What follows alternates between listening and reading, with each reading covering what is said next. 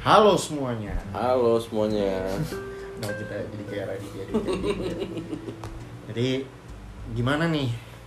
Udah mau ada pembatasan lagi. Udah mau pembatasan lagi harus jadi sekarang kalau eh, informasinya 50% kan Nah, di buat kantor. Apa 50% doang yang boleh masuk lagi sekarang. oh lu juga dong berarti. Iya, kan Omicron udah naik lagi. Terus terus. Kan kita kan sebenarnya kan episode pertama kita adalah ngebahas tentang yang sih keadaan lu pandemi. Nah. Nah, ini udah lewat ternyata berapa berapa berapa lama ya? Udah mungkin udah mau Nah. hampir setahunan kali. Hmm, hmm, hmm. Nah, sekarang gue Gimana menyikapi nih update-nya? update lu Update-nya. Survive. Survive apa enggak? survive entah dari mentalnya, dari fisik, entah dari lingkungan lo gitu. Oke, adu jargon dulu. Jadi lu siapin satu kalimat untuk menggambarkan situasi lu terupdate. Lu dulu, Mike. Jargon dulu nih. Gue dulu nih. Ah, Eh, apa ya? Kalau jargon untuk ngambarin itu situasi nah. pandemi apa ya? Ya udah sih kalau gua sekarang udah udah ya ya udahlah anjing gitu Nah, deh kayak nah, ya nah, udah begitu. Kalau kalau gua kalau gua berpikirnya cuma itu sih yang paling gambarin Pandemi sekarang. Kalau lo bodoh amat kalau karena karena ya maksudnya kan ya udahlah ini kayak kelar kelar kita mau protes juga nggak bisa. Hmm. Kita mau gimana juga nggak bisa ya. Iya iya. Berarti kan ada hal-hal yang tadinya dibat dibatasin kan? Eh yang tadinya bebas sekarang dibatasin kan? Hmm. cuman Ya. gimana kita ngakalin aja kan? Cuman emang agak kangen sih gue sama dunia luar gitu maksudnya kayak baru bentar banget ya udah di udah di ini lagi ya udah dibatasin lagi Iya ya udah mau dibatasin lagi. apa sih ppk level berapa Nggak tahu, gue cuman dibilangnya memang soalnya kantor gue udah ngasih edarannya. oh Bahwa sebentar lagi ada pembatasan 50% karyawan. Hmm. Kan tadinya udah mulai agak boleh sedikit normal tuh. Hmm. Ibarat kata dari 75 boleh mulai ke 100. Tiba-tiba kantor gue udah bilang kayaknya mau ada pembatasan lagi 50% doang karyawan yang boleh masuk. Hmm, hmm, hmm, hmm. Ya udah akhirnya balik lagi nih kayaknya nih. udahlah metaverse saya udah metaverse Terah. jadi apa apa nih yang udah lu pelajarin dari update terakhir kita selama pembatasan Kalau gue sekarang mungkin sudah lebih berdamai sama pandemi ini dan sudah mulai mulai bisa gunain sosial media kalau gua. nah oke. Bukan bukan bukan mungkin bukan dari gue pribadi Hmm. tapi at least gue udah bisa tahu oh apa sih gunanya gitu, Hmm. arahnya. Kalau Hmm. kalau gue udah kayak gitu. Kalau lu apa yang apa yang masih lumayan banyak banyak banget hmm, kayak akhir-akhir ini gue juga baru berpikir kalau apa ya kalau dulu kan gue berpikirnya adalah gue kepengen jadi sesuatu nih Iya, misalkan iya. A gitu tapi meanwhile untuk bisa sampai ke sana gue akhirnya harus kerja dulu bensin kan. Iya, yang betul. selalu kita bahas itu. Tapi ke sini sini gue mulai berpikir kalau ternyata uh, kerja kita di kantoran gitu kayak B itu itu lah part of us gitu loh. Maksudnya bukan berarti kita bukan uh, so- orang kantoran gitu. Kalau dulu kan gue masih agak kayak aduh sebenarnya gue gak mau jadi orang kantoran apa segala macam gitu kan. Hmm, tapi uh, perlahan dan pasti itu kayak gue accept kalau uh, gue juga kerja di kantoran adalah part of my identity gitu jadi gue gue gue juga musisi penulis podcaster Oke. ya kan ya content creator lah Iya, ya kan iya. ya. tapi gue juga kerja di kantor gitu tadinya tuh gue kayak sangat an- ah, gimana ya kayak gue bisain gitu loh gue nggak tahu kalau lu ya Hmm, ya ya ya hidup kantor sama hidup gue sebagai ini Iya, maksudnya gue tuh ilfeel banget sama kehidupan gue di kantor gitu. Kayak ini tuh bukan gue gitu. Tapi perlahan-lahan tuh kayak ini tuh identitas gue. Gitu. Ini yang mem- membuat diri gue, diri gue. Gitu.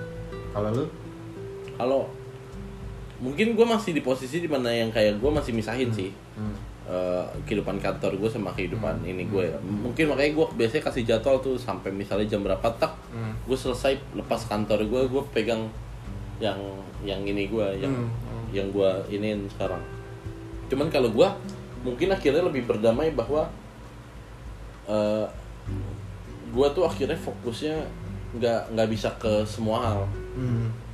mungkin kan dulu gue berharap oke misalnya gue mau pindah cari kerja yang lebih bagi bagus, Bagus. cara cari ini cari itu tapi di satu sisi gue juga mau ini berkembang ini berkembang ini berkembang akhirnya kalau gue mungkin di posisi sekarang di mana satu gue harus tahan dulu satunya lagi gue harus dorong Dorong. jadi full force nya itu gue bisa arahin ke salah Arahin satu tempat, tempat. Hmm, hmm, hmm. walaupun ibarat kata menambah nambah apa ya nambah pilihan itu Ya. juga bagus Hmm, hmm, hmm. Tapi kalau menurut gue sekarang gue posisinya bukan gue butuh pilihan lagi tapi gue harus bisa dorong full force Ya. ke salah satunya Hmm, hmm. itu sih kalau menurut gue sekarang Hmm. Nah, eh, ada juga pelajaran lainnya. Maksudnya kayak eh, persepsi sih gue mulai Hmm. mendalami soal hal itu ya. Maksudnya kayak apa pun yang terjadi kepada kita itu kan apa ya manusia itu punya privilege. iya iya punya iya privilege di mana uh, segala sesuatu yang terjadi pada kita itu kita bisa mengamini atau mengartikan sesuai sama persepsi kita gitu. Oke contoh uh, apa namanya? Lo misalnya ngomong ke gue bung lo ada charger gak? Gitu kan. Eh minjem charger iPhone dong gitu kan. Terus gue bilang ah lo minjem mulu mau kondol gitu kan. Nah oke. feedback dari gue ini sampai ke lo itu lo bisa ada persepsi tuh yang pertama adalah si bung bercanda ini mah maksudnya kayak ah lu gitu aja pelit lu udah mana sini sini tetap akhirnya tetap gue kasih cajalannya atau persepsi kedua adalah anjing orang pelit banget dah. Anjing nih orang nih sekarang kok jadi pelit banget sih? Lu bawa tuh sampai ke rumah ya gitu ya kan ya? ya ya Nah itu gue lagi gue gue lagi mendalami hal itu di mana manusia itu cenderung memproyeksikan segala sesuatu itu ada artinya gitu. Nah balik lagi ke diri diri diri kita masing-masing. Kita mau memilih untuk mengartikannya kayak gimana gitu. Kayak let's say uh, sama keluarga gitu kan. ya. Conversation lu ngobrol-ngobrol lu sama orang tua lu itu lu artikan meaningful banget buat lu. Padahal uh, dari sebenarnya dari bukan padahal sebenarnya nggak ada arti apa apa conversation lu sama keluarga lu conversation lu sama temen lu conversation lu sama pacar lu itu cuma interaksi antara manusia dan manusia gitu tapi Oke. bagaimana lu memilih ketika lu ngobrol sama orang tua lu lu mengartikan itu sangat berharga dibanding ketika lu ngobrol sama let's say temen lu atau pacar lu ya ya ya. ketika lu ngobrol sama teman sama pacar lu kayaknya nggak terlalu meaningful aja buat lu gitu jadi kan lu harus nah gue tuh apa ya gue punya kecenderungan untuk mengartikan segala sesuatunya meaningful bagi gue gitu jadi itu yang akhirnya membuat banyak orang termasuk gue gitu stres gitu nah pendapat lu tentang ini apa ya Hmm, ya, ya, ya. karena harus diakui sih sebagai orang yang cukup dibilang mulutnya rada sampah ya. hmm. Gue memang harus diakui menyakiti beberapa orang juga. Memang tapi gue harus akui sih kadang-kadang memang orang kan berpikir bahwa anjing pan lu omongan lu kasar banget. Padahal gue bener-bener gak maksud apa-apa. Hmm. Cuman mungkin as a joke, Hmm. bercanda atau sebagai apa. Cuman kan karena di sekarang bener kata lu. Sekarang ini kan orang semuanya mengartikan sebagai meaningful. Makanya sekarang dibilang dikit-dikit tersinggung, dikit-dikit tersinggung. Iya. Makanya kan ini sekarang dunia ini mulai mulai mulai menjadi sesuatu hal yang mungkin meaningful yang lu bilang tadi. Akhirnya kalau gua ngerasa ya untuk menjaga insanity lu lu harus tetap terkadang nggak ngambil Hmm. serius apa yang orang omongin Hmm. karena kalau misalnya lu semuanya lu pikir meaningful Hmm. akhirnya nantinya bisa ngancurin kepribadian lu juga Ah. karena semua orang bisa ngatain eh mengatakan apa pun kan Kayak. Hmm. kalau kalau menurut gue sih itu sih kalau kalau gue mungkin gak terbiasa untuk mengambil sisi buruknya Hmm. dari omongan orang Hmm. kecuali gue minta Kayak. Nah, kalau ketika gue minta biasanya memang gue pikirin biasanya kayak Hmm, gitu. hmm, hmm. Ketika lu minta feedback, ya kayak misalnya gue bikin apa habis itu kan gue bisa minta minta saran Hmm. terus biasanya mungkin ada kritik-kritik oh kalau itu gue beneran berkirin kalau misalnya sisanya yang lain kalau menurut gue Hmm. ya mungkin terkadang human just human saja oh laki eh, being human. Iya benar-benar. Sama apalagi kalau lu apalagi. Kalau gue kebetulan lumayan, lumayan banyak yang gue pelajari Pelajarin. Kalau gua gua tuh yang gua pelajarin lagi adalah soal mandiri itu sih. Bahwa nggak bakal ada yang maksudnya terlepas dari apa pun yang terjadi. Karena gue merasa dulu gue percaya sama gue bakal bisa nih ngebuat ini endingnya tuh seperti apa gue masih belum tahu. Hmm. Tapi gue bakal bisa make it. Hmm. nah gue mulai realize sekarang bahwa nggak ada nggak ada yang bisa bantu lu. Makanya kenapa case uh, Sri Sakas kemarin lah contohnya. Gue mulai ngebikin jadwal struktur kayak gini-gini kapan ininya kapan itunya. Karena kalau beda sama yang kita sekarang kita sekarang masih bisa ngerjain nih tiap minggu. Karena kita cuma berdua kan kecepatan kecepatannya lebih kencang kan. Nah, kalau di Sakas tuh masih yang kayak omongan ya udah minggu depan minggu depan. Hmm. mungkin kata gue gue merasa bahwa pentingnya jadwal pentingnya terstruktur itu Hmm. akhirnya gue bilang kalau kita mau ke Bandung lo harus tahu jalannya mau kapan Hmm. naik kendaraan apa Hmm. dan lu mau ke Bandung Hmm. lu nggak bisa cuma asal-asalan enggak nanti kita mau ke sana nih kita mau keliling dunia Hmm. menurut gue nggak nggak bisa sih Hmm. Menurut gue gitu. Hmm, hmm. Jadi sih penting juga kayak jadwal kayak gitu ya. Maksudnya uh, terlalu banyak delaying juga nggak bagus sih menurut gue. Hmm. Kayak, aduh, kayak apa ya? Kayak gue ngerasain apalagi di kantor gue sekarang ini ya. Kalau lu delay sedikit ngaco sih. Gitu. Makanya bener kata lu harus ada kayak jadwal terstruktur gitu. Sebenarnya kita tuh bisa make time, cuman kita tuh lebih sering nggak mau. Gitu. ya betul Iya, let's say lu lu harusnya punya waktu istirahat tapi lu gak mau istirahat gitu. Sebenarnya lu punya waktunya.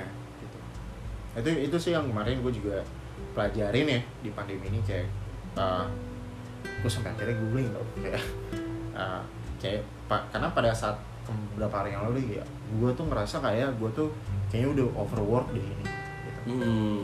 gue ngerasa kayak gitu nah terus uh, pas gue baca ternyata ada juga yang bilang kalau sebenarnya lu punya waktu untuk take a step back gitu kayak lu punya waktu buat istirahat lu Ya. punya waktu buat hal yang lain tapi nggak lu ambil itu ciri-ciri orang yang udah overboard kayak gitu.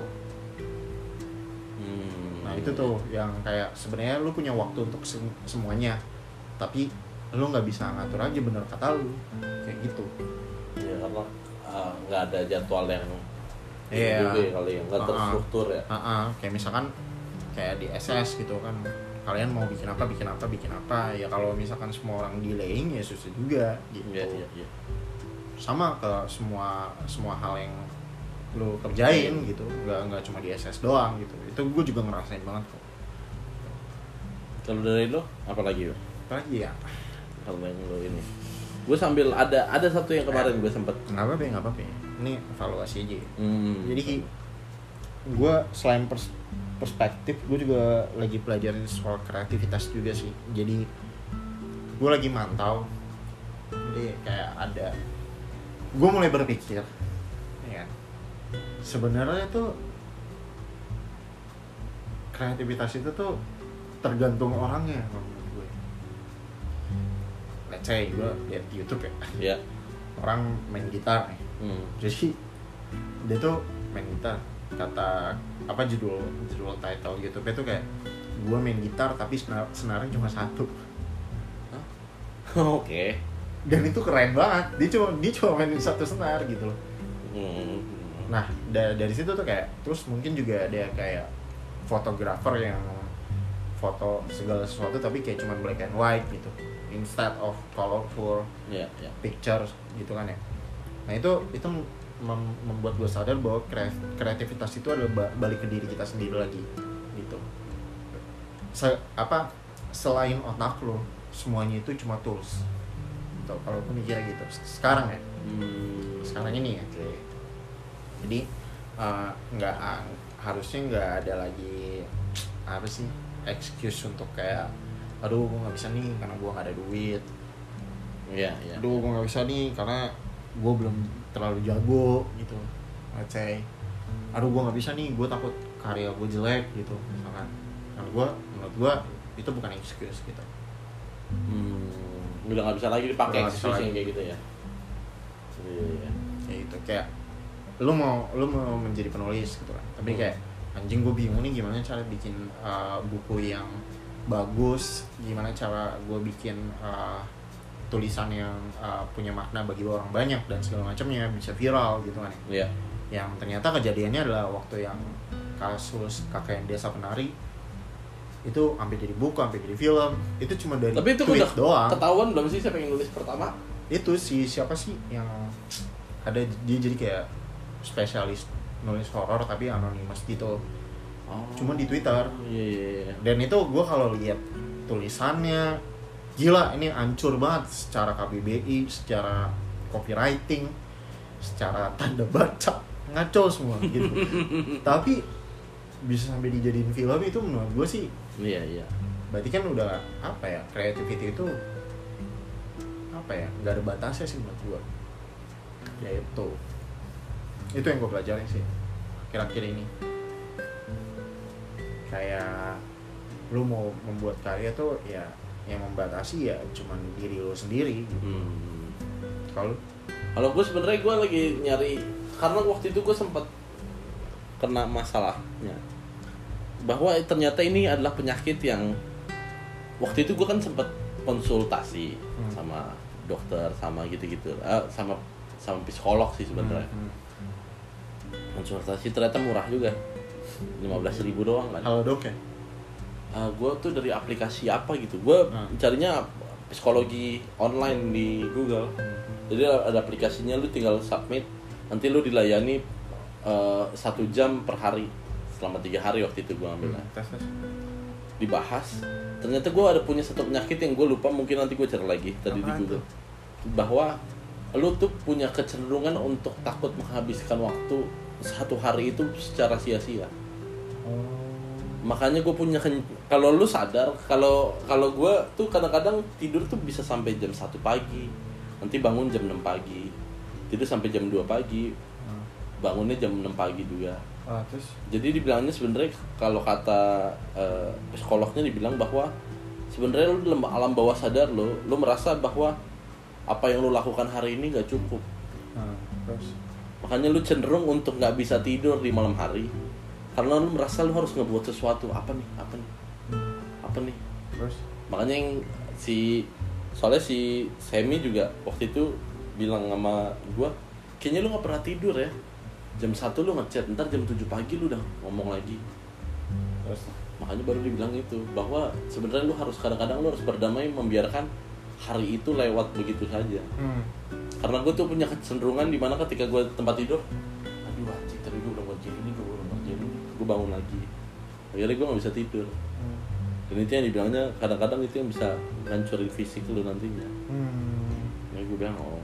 Itu juga gue baru belajar tuh. Nah, bahwa gue bilang kok kayaknya gue gak insomnia badan gue capek tapi mata Hmm. gue gak mau nutup. Ah.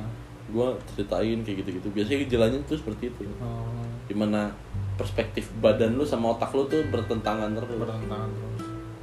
Gitu. itu baru baru gue baru tahu. baru ketahui ya? Karena gue sempet sempet konsultasi. Gue pikir gue cuma insomnia doang. Ah, ah, ah, ah. tapi ternyata enggak dibilang gitu. Oh. nah, gue bilang oh gitu iya lu kadang-kadang harus berdamai aja lu harus tidur lu harus lepas komputer lu tuh harus lu matiin HP lu tuh harus lu jauhin Hmm. biar lu tuh gak ada pikiran kan biasanya gue kalau mau tidur tuh ketak ketik ketak ketik terus aduh taruh ah gue buka laptop lagi gue ketikin lagi Hmm, hmm. itu bilangnya sebenarnya nggak bagus juga Oh iya. Oh. itu ada terus ada treatmentnya itu tadi jauhin HP. harus harus jauhin kalau udah sebenarnya dibilangnya dua jam sebelum tidur sebenarnya lu cuma perlu baca buku sama Hmm. habis itu sambil tidur Hmm. kan karena gua nggak bisa ya udah kira gue taruh setengah jam sebelum gue tidur baru gue cas handphone gue gue taruh jauh Hmm. gitu itu doang sih Oh, overwork juga.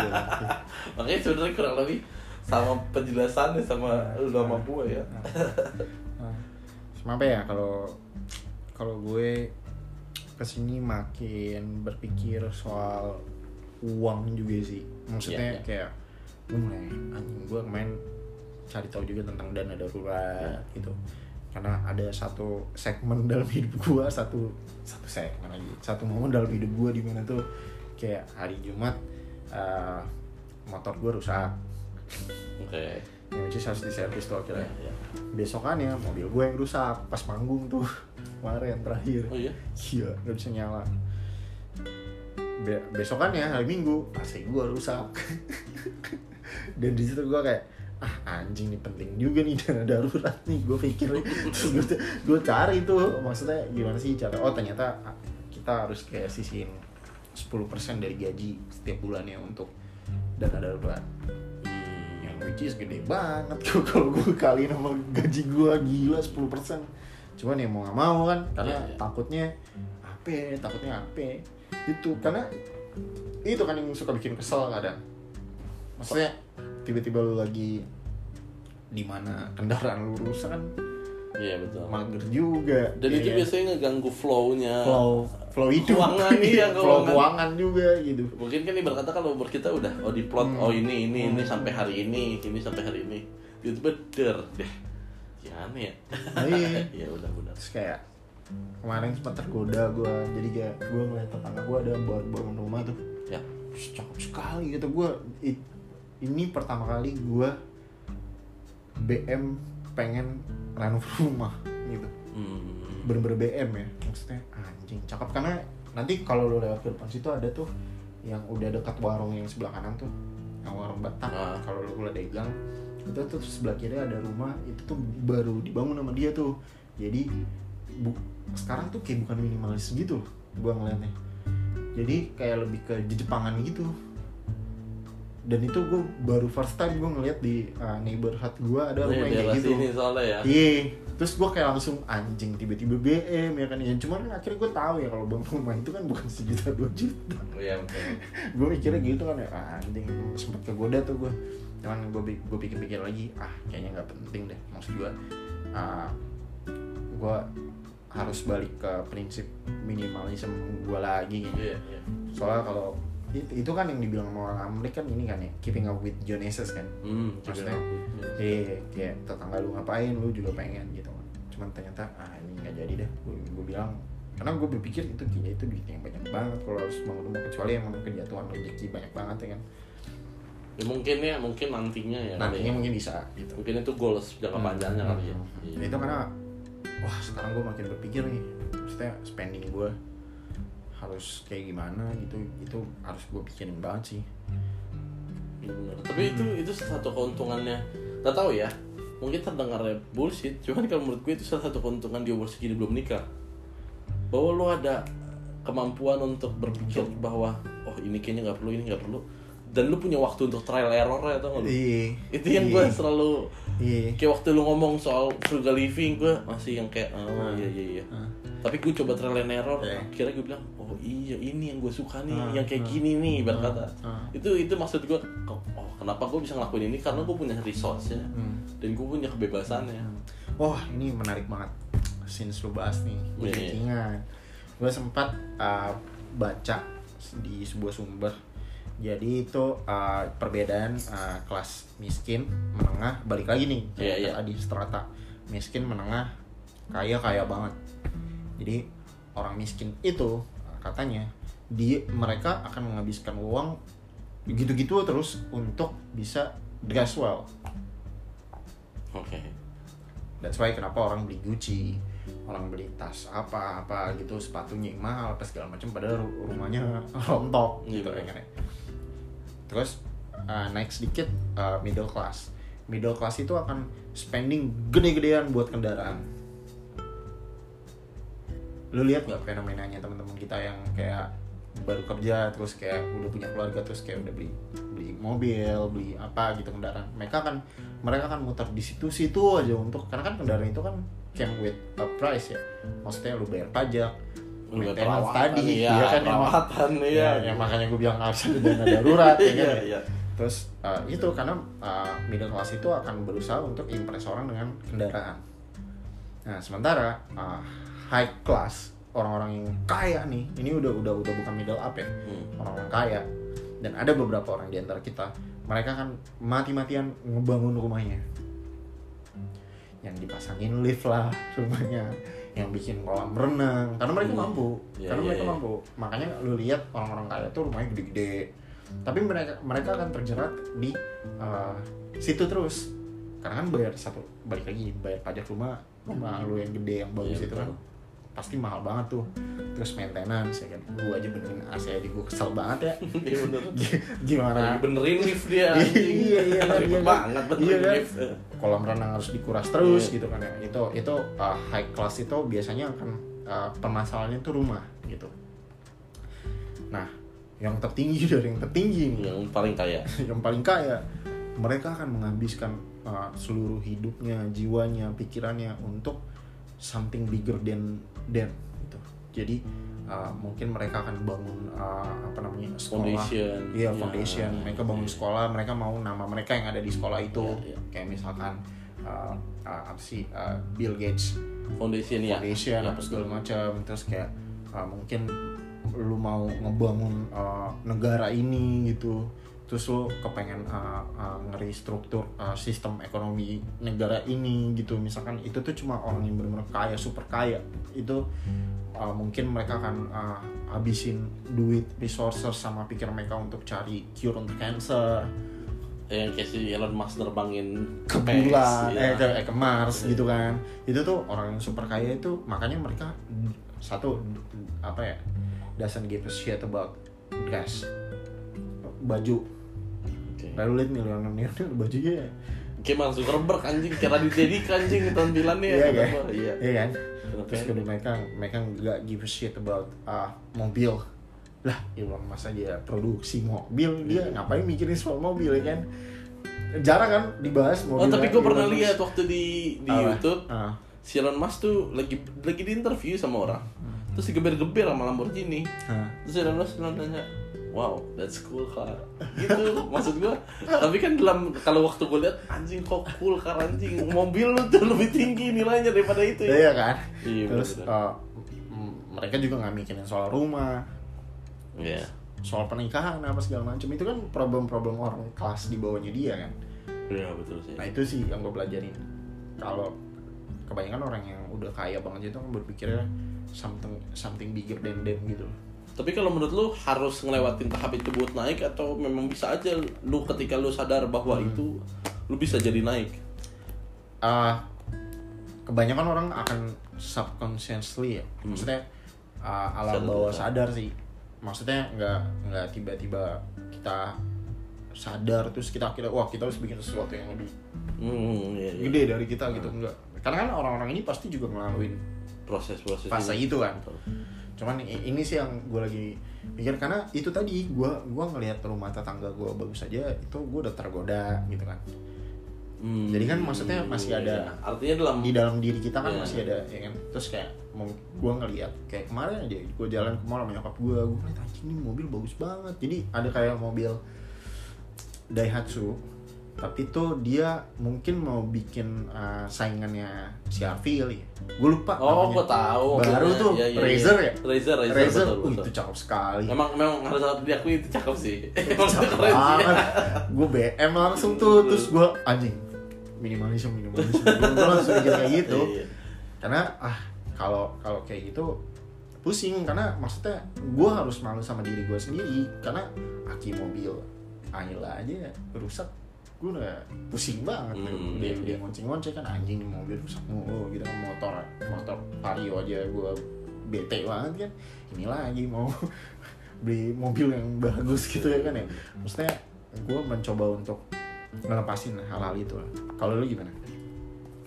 Ya, itu itu satu yang gue mungkin ya karena itu yang tadi gue sempat bahas juga itu yang gue paling Hmm. paling beruntungnya karena gue masih belum menikah di umur segini. Jadi gue punya resource nya terus gue punya teori-teori atau Hmm. filosofi atau statement yang masuk ke gue gue tuh bisa trial and error. Hmm. itu yang beruntung dari gue bahwa gue ketip tiba-tiba anjing gue seminggu makan abon doang. Gak ada masalah. Tapi gue bisa bisa dapet ini ya cara pengetahuan baru. Oh yang kayak Hmm. gini. Soalnya kan cuman gue doang yang disiksa di sini. makanya itu itu yang gue salah satu beruntungnya tuh. Ketika pandemi ini mungkin mengharuskan orang untuk sendiri. Hmm. Terus gue ngeliat teman-teman gue punya datang dengan dengan Update. apa ya, update-nya masing-masing. Terus gue bisa ngeliat oh mana yang gue suka ya gue coba suka. Oh coba gue mau ini mau ngikutin gue coba ngobrol sama dia gue coba bahas. Oh ternyata gue nggak terlalu doyan. Tapi udah gue habisin duitnya nggak apa-apa pelajaran. Kayak gitu gitu itu yang gue salah satu kebebasan gue yang oh iya ini ini mungkin salah satu bentuk yang keuntungan gue lah privilege lo Review. tapi itu itu harus gue akuin karena yang cerita di podcast sebelum gue aja nih Iya, iya. teman gue nikah apa segala macam Iya.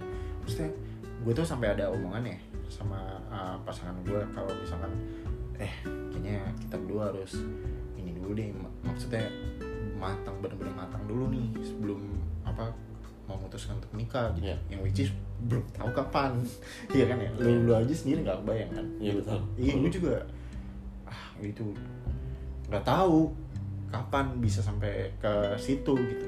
Tapi nggak nggak masalah untuk teman-teman yang mau nikah apa segala Iya. macam gitu. Ah some some people say kalau nikah itu nikmat banget gitu. Kayak waktu itu gue pernah nanya upang ya. Gimana sih bang rasanya nikah gitu? Wah enak banget bu. Gitu kan.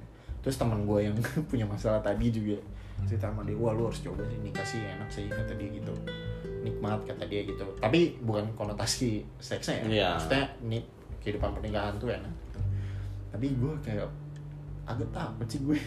Maksudnya kalau lu sendiri takut gak sih? Kalau gue harus gue akuin gue masih masih belum kayaknya belum belum masih ya masih bener kata lu sih. Cara paling menggambar ini bener takut sih. Masih takut gue apakah bener ini gue pingin give up untuk something bigger Ah. dari gue iya. keluarga gitu. Keluarga atau misalnya dianya. Itu yang kadang-kadang makanya gue bilang kayaknya gue belum nemuin alasan tepat kenapa gue harus menikah. Menikah iya. Walaupun memang beberapa mantan gue kebetulan ada yang nanyain buat nikah nikah kalau gitu. Ke ke gue yang yang akhirnya mungkin dia nikah sama orang lain. makanya mungkin kan dia tujuannya menikah ya bukan bukan sama guanya tapi menikah. Makanya gue bilang "Ya, sebenarnya kalau ibarat kata kalau kata nyokap gue kan gue cerita juga kebetulan Ah. kalau yang soal kayak gini sama nyokap gue nyokap gue bilang emang kamu cari apa lagi? Nggak tahu. Gue bener-bener nggak tahu anjir masalahnya Ah. kayak gue masih belum puas aja sama pencapaian yang gue punya sekarang. Iya. dan gue nggak mau nyalahin dia nantinya sama keluarga gue karena udah nikah. Iya. jadi gue nggak bisa kejar itu karena gue nggak bebas lagi. Gue nggak suka dengan excuse itu kalau menurut gue karena harus gue akuin bener loh maksud gue uh, uh, supervisor gue yang kebetulan adalah teman SD gue dia Iya. itu kan mau cabut nih. Itu tuh uh, kayak di, permasalahannya sebenarnya itu adalah karena dari keluarga. Uh, jadi uh, kantor gue kan itu apa ya kerja mulu tuh. Nggak nggak. Kurang kurang support work life balance lah ya gitu. Iya, gitu. Ya which is jadi uh, apa namanya problem di keluarga Keluarga lah, dia. gitu kalau di dianya problem nggak? Problem. Karena Oke. karena itu dicabut gitu. Karena Oke. memang a- anaknya udah lumayan gede. Jadi kita Oh. juga nggak bisa nyalain juga. Karena itu juga Betul. anak kan tanggung jawab. Dia lah dia Iya, juga betul. kan gitu kan. Nah gue ngerasain emang bener. Gue nik nikmat banget sih gue sebenarnya. Maksudnya gue stres nih tapi gue anjing nih gue bisa sampai jam 1 jam 2 itu gue masih kerja gitu. Masih teleponan sama teman-teman kantor gue gitu. Dan ini kalau gue punya maksudnya kalau gue punya istri ini Gak sih. make sense sih, lu gak make sense, lu ngapain sih gak make Iya, sense pasti diomelin kan kita Iyalah. kan kalau kayak gitu Iya, kan betul. padahal kan ujung-ujungnya duit juga kan maksudnya kan Iya. kita dapat uang bisa ngapain gitu Dan mungkin lu juga suka ngerjainnya ya secara nggak langsung iya. Walaupun prosesnya kayak anjing ya, cuman Ya, iya. hasilnya tuh gue cukup puas sama Hmm, hasilnya hmm, hmm. karena itu terus ya, ya anak cuy gua gua Iya sih. gua tuh baru ngerti ternyata kalau misalkan BPJS itu bisa cover lahiran seorang istri. Itu pelajaran yang gue dapat dari kasus teman gue itu. Ternyata BPJS itu bisa cover. Jadi nggak harus lo yang biayain persalinannya. Gitu. Itu kan berarti kan lo harus mikir banyak hal banget kan gitu kan nggak nggak nggak cuma duit juga nggak cuma duit doang Maksudnya Pengetahuan lu ya. pengetahuan lu tentang BPJS tentang apa ya kan tentang suara gitu kan lu kagak sembarangan nikah. Ya gue tahu sih romantismenya gitu. Ini emang Hollywood anjing sih gue iya menurut Iya. menurut menurut, iya sih. Itu itu itu kadangnya kalau menurut gua kenapa film tuh berakhirnya di merit? Iya. karena lu nggak nggak tahu tahu. ternyata setelah merit tuh belum happy ending. Kalau di Hollywood kan kayaknya end- endingnya pasti film menikah. Iya. Wah bahagia. Iya.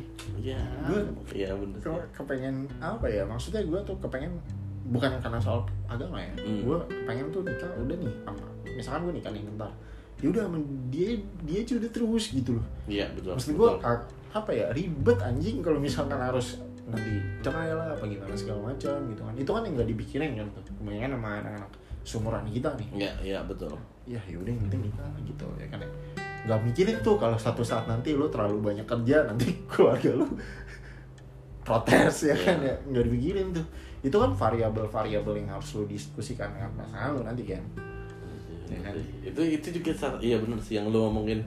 Tapi keluarganya juga itu kan problemnya adalah eh, supervisor lu ibarat kata bermasalah sama waktu kerjanya Iya. keluarganya juga. Keluarganya. bayangin kalau misalnya dia nggak bermasalah sama waktu kerjanya. Nah. Dia bilang gue suka sama kerjaan gue tapi keluarganya nggak suka. Lu Nah, bayangin iya. benturan benturan. yang harus dia korbankan akhirnya iya, kan? iya.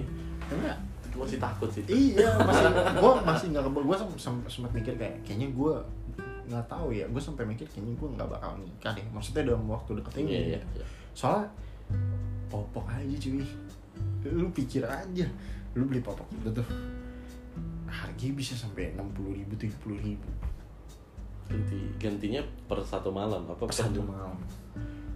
Terus juga jumlah anak itu kan lu harus pikirin juga tuh.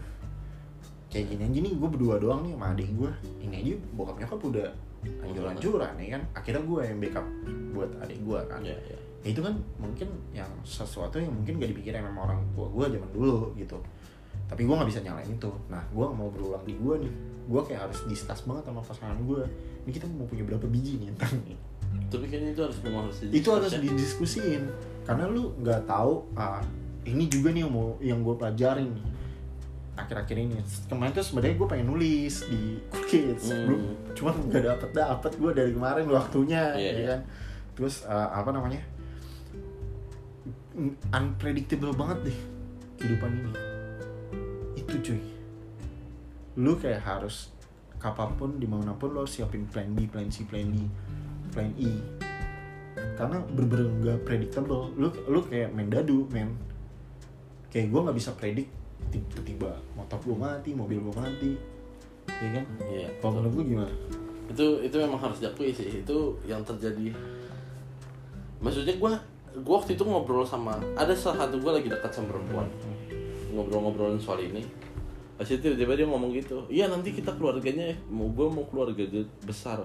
Gua bilang keluarga besar kayak gimana? Ya gitu punya anak berapa gini-gini. Bentar gua bilang berapa? Lu pin tahu kan?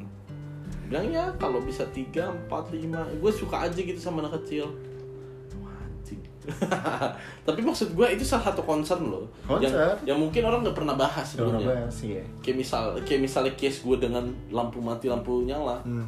itu kan sebenarnya concern yang gue nggak duga bakal ih anjing ternyata isu ya isu ceweknya tidurnya mati lampu eh nyala lampu Iya. guanya mati lampu itu Iya. salah satu yang kayaknya nggak cuma soal romantis romantis, kita udah doang. lama yuk Ah. kita nikah ya, kayak iya karena itu tadi anak ya oke lah lu mau punya dua aja dua aja tuh udah sulit banget menurut gue karena gue berkaca pada keluarga gue yang sekarang kan Iya. maksudnya lu nggak berpikir nanti ketika anak lu yang satu udah keluar masih ada yang satu lagi nih harus sekolah harus kuliah dan gue nggak kepengen anak gue ngerasain kayak gue dong dan dan mungkin gini kasar Iya. ya terdengar ya Nah, nah. lu harus berhitung kalau anak lu yang pertama masih jadi beban lu ketika lu Hmm. biayain anak kedua lu itu lu harus berhitung kan soalnya gua kan case nya seperti itu ternyata Nah. Iya, Gue iya kan, iya. variabelnya banyak. Iya, variabelnya sangat gua- aneh. Iya, kita udah persiapin nih, ini kayaknya anak pertama gue ntar kayaknya pinter banget nih, kayaknya di, di Iya. bakalan dapet beasiswa nih di Harvard nih ya kan ya. Kita udah mikirnya jauh banget. Toto jadi tukang mancing, ya kan kita nggak ada yang tahu kan. Udah- udah plot twist plot twist Iya kan, Wih, ih itu itu sih yang menurut gue harus dipikirin banget kalau untuk soal pernikahan gitu loh. Hmm. Kalau gue nih, gue akan gue akan gue akan dis- mencoba untuk lobby pasangan gue kayak kayaknya kita satu aja deh gitu. Ya, gue juga pengen kayak gitu. Satu, satu doang ya? Iya, gue juga pengennya. Iya. Satu mungkin mungkin ya kalau dari gue biar lu tetap in in your best shape. Iya. Yang kedua mungkin biar lu juga bisa ngerawat ya lu bisa main Iya. sama teman-teman lu. Heeh. Jadi posisinya lu nggak Kalau terlalu udah tepat. iya, kalau udah satu kelar kan udah kan. Iya benar. Iya kan? Benar. Ya kan? Nggak nggak perlu mikirin yang kedua nih. Iya benar. apalagi ada tiga ya kan? Ya itu kan pusing ya kan? Kecuali ya kayak kalau keluarga lu kayak keluarga Raditya Dika tuh ya kan? Anak sulungnya udah mantep banget ya kan? Anaknya yang biayain, anak AdSense anaknya yang biayain lahiran lahiran iya, iya kan? kecuali kecuali kayak ya, itu kan beruntung banget Iya, ya iya, kan? Kayak betul. gitu kan. Kalau orang ada yang bilang ya itu tergantung asuhan orang tua gue nggak setuju. Ada orang tua yang udah mengasuh gila-gilaan tuh anak tetap hancur hancur aja itu Hmm, Terlalu banyak sih faktornya sih. iya kayak pergaulan segala macam itu sih gila ngomongin nikah luas banget ya Iya tiba-tiba, ya soalnya itu mungkin satu yang kita pelajarin yang dulu kayaknya indah banget nih. Kan kita Eh. mungkin udah di fase di mana di umur kita sekarang udah nggak terlalu banyak lagi yang nikah. oh iya udah lewat ya Udah lewat. Kalau dulu kan kayaknya oh, tiap minggu ada terus anjing.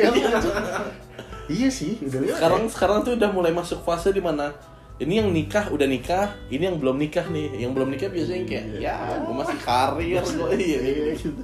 tapi privilege juga Iya betul. iya kan karena eh, mohon, mohon, maaf nih ya Iya, sebelumnya mungkin concern orang zaman dulu adalah harus menikah karena mungkin untuk menghindari perzinahan Hmm, kita harus jujur dong Iya betul. Sek- sekarang ini kondisinya kayak gimana Sudah semuanya. ya kan Iya Nah, betul.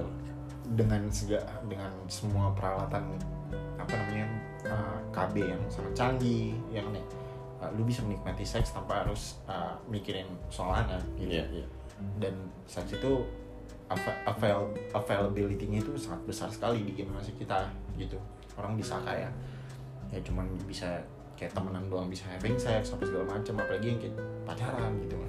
Nah itu sih yang salah satu privilege bagi generasi kita sih menurut gue sih jadi kayak lu nggak harus concern soal hal itu ya Iya iya iya. gitu kayak wah gila sih terus kita juga masih megang duit ya buat kita doang gitu Hmm. paling sama keluarga ya Ya paling paling ya normal lah normal masih udah- normal normal karena kita masih sandwich kan Iya.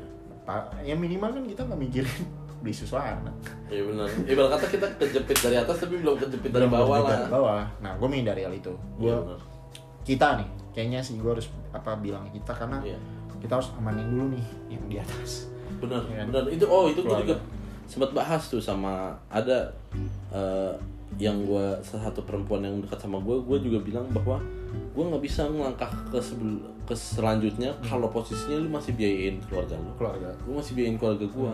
Hmm. Karena ketika misalnya kita oke gabung jadi satu, terus gue jadi kepala keluarga lu, gue harus nanggung dua keluarga lu. dong. Bener dong, lu yang bener dong. iya iya kan? Iya bener bener bener.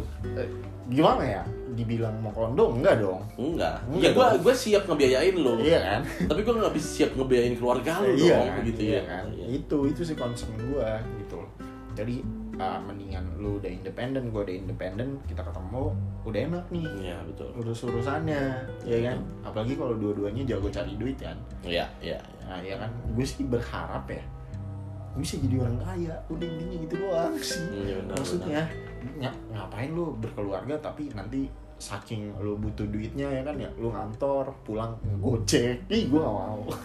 Hmm. bukan mendiskreditkan Iya, iya. abang gojek ya? Nggak. karena itu kan salah satu cara untuk nyari duit kan. Tapi gue nggak mau gitu. Gue mau dari middle class gue naik gitu nggak nggak nggak stuck di sini di middle class doang. iya Iya. ah, kayak gitu Ya benar sih kalau menurut gua.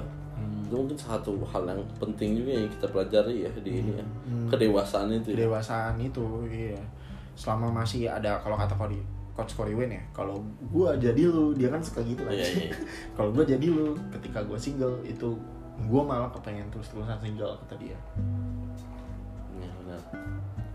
Karena nggak ada stres paling gitu stres kita apaan sih paling kadang-kadang kesepian Iya. gitu doang kan Ibarat kata stres kita tawan dari dunia kerja, dunia Iya, ini. itu udah kan Iya. keluar kan nggak nggak ada aduh anak gue besok makan apa ya kan? Iya, anakku berhasil nggak ya? Bener Iya. nggak sih dia bener nggak ngerjain tugas? Bener iya nggak kan sih? iya kan Anjing, apalagi gue punya anak perempuan nanti mau nangis gue gitu biasanya deg-degan banget ya deg-degan banget pasti pasti itu makanya sih ini privilege aja Iya, bener. bagi gua kita belum ke sana gitu. Kalau kalian gimana nih? Iya, kan? iya.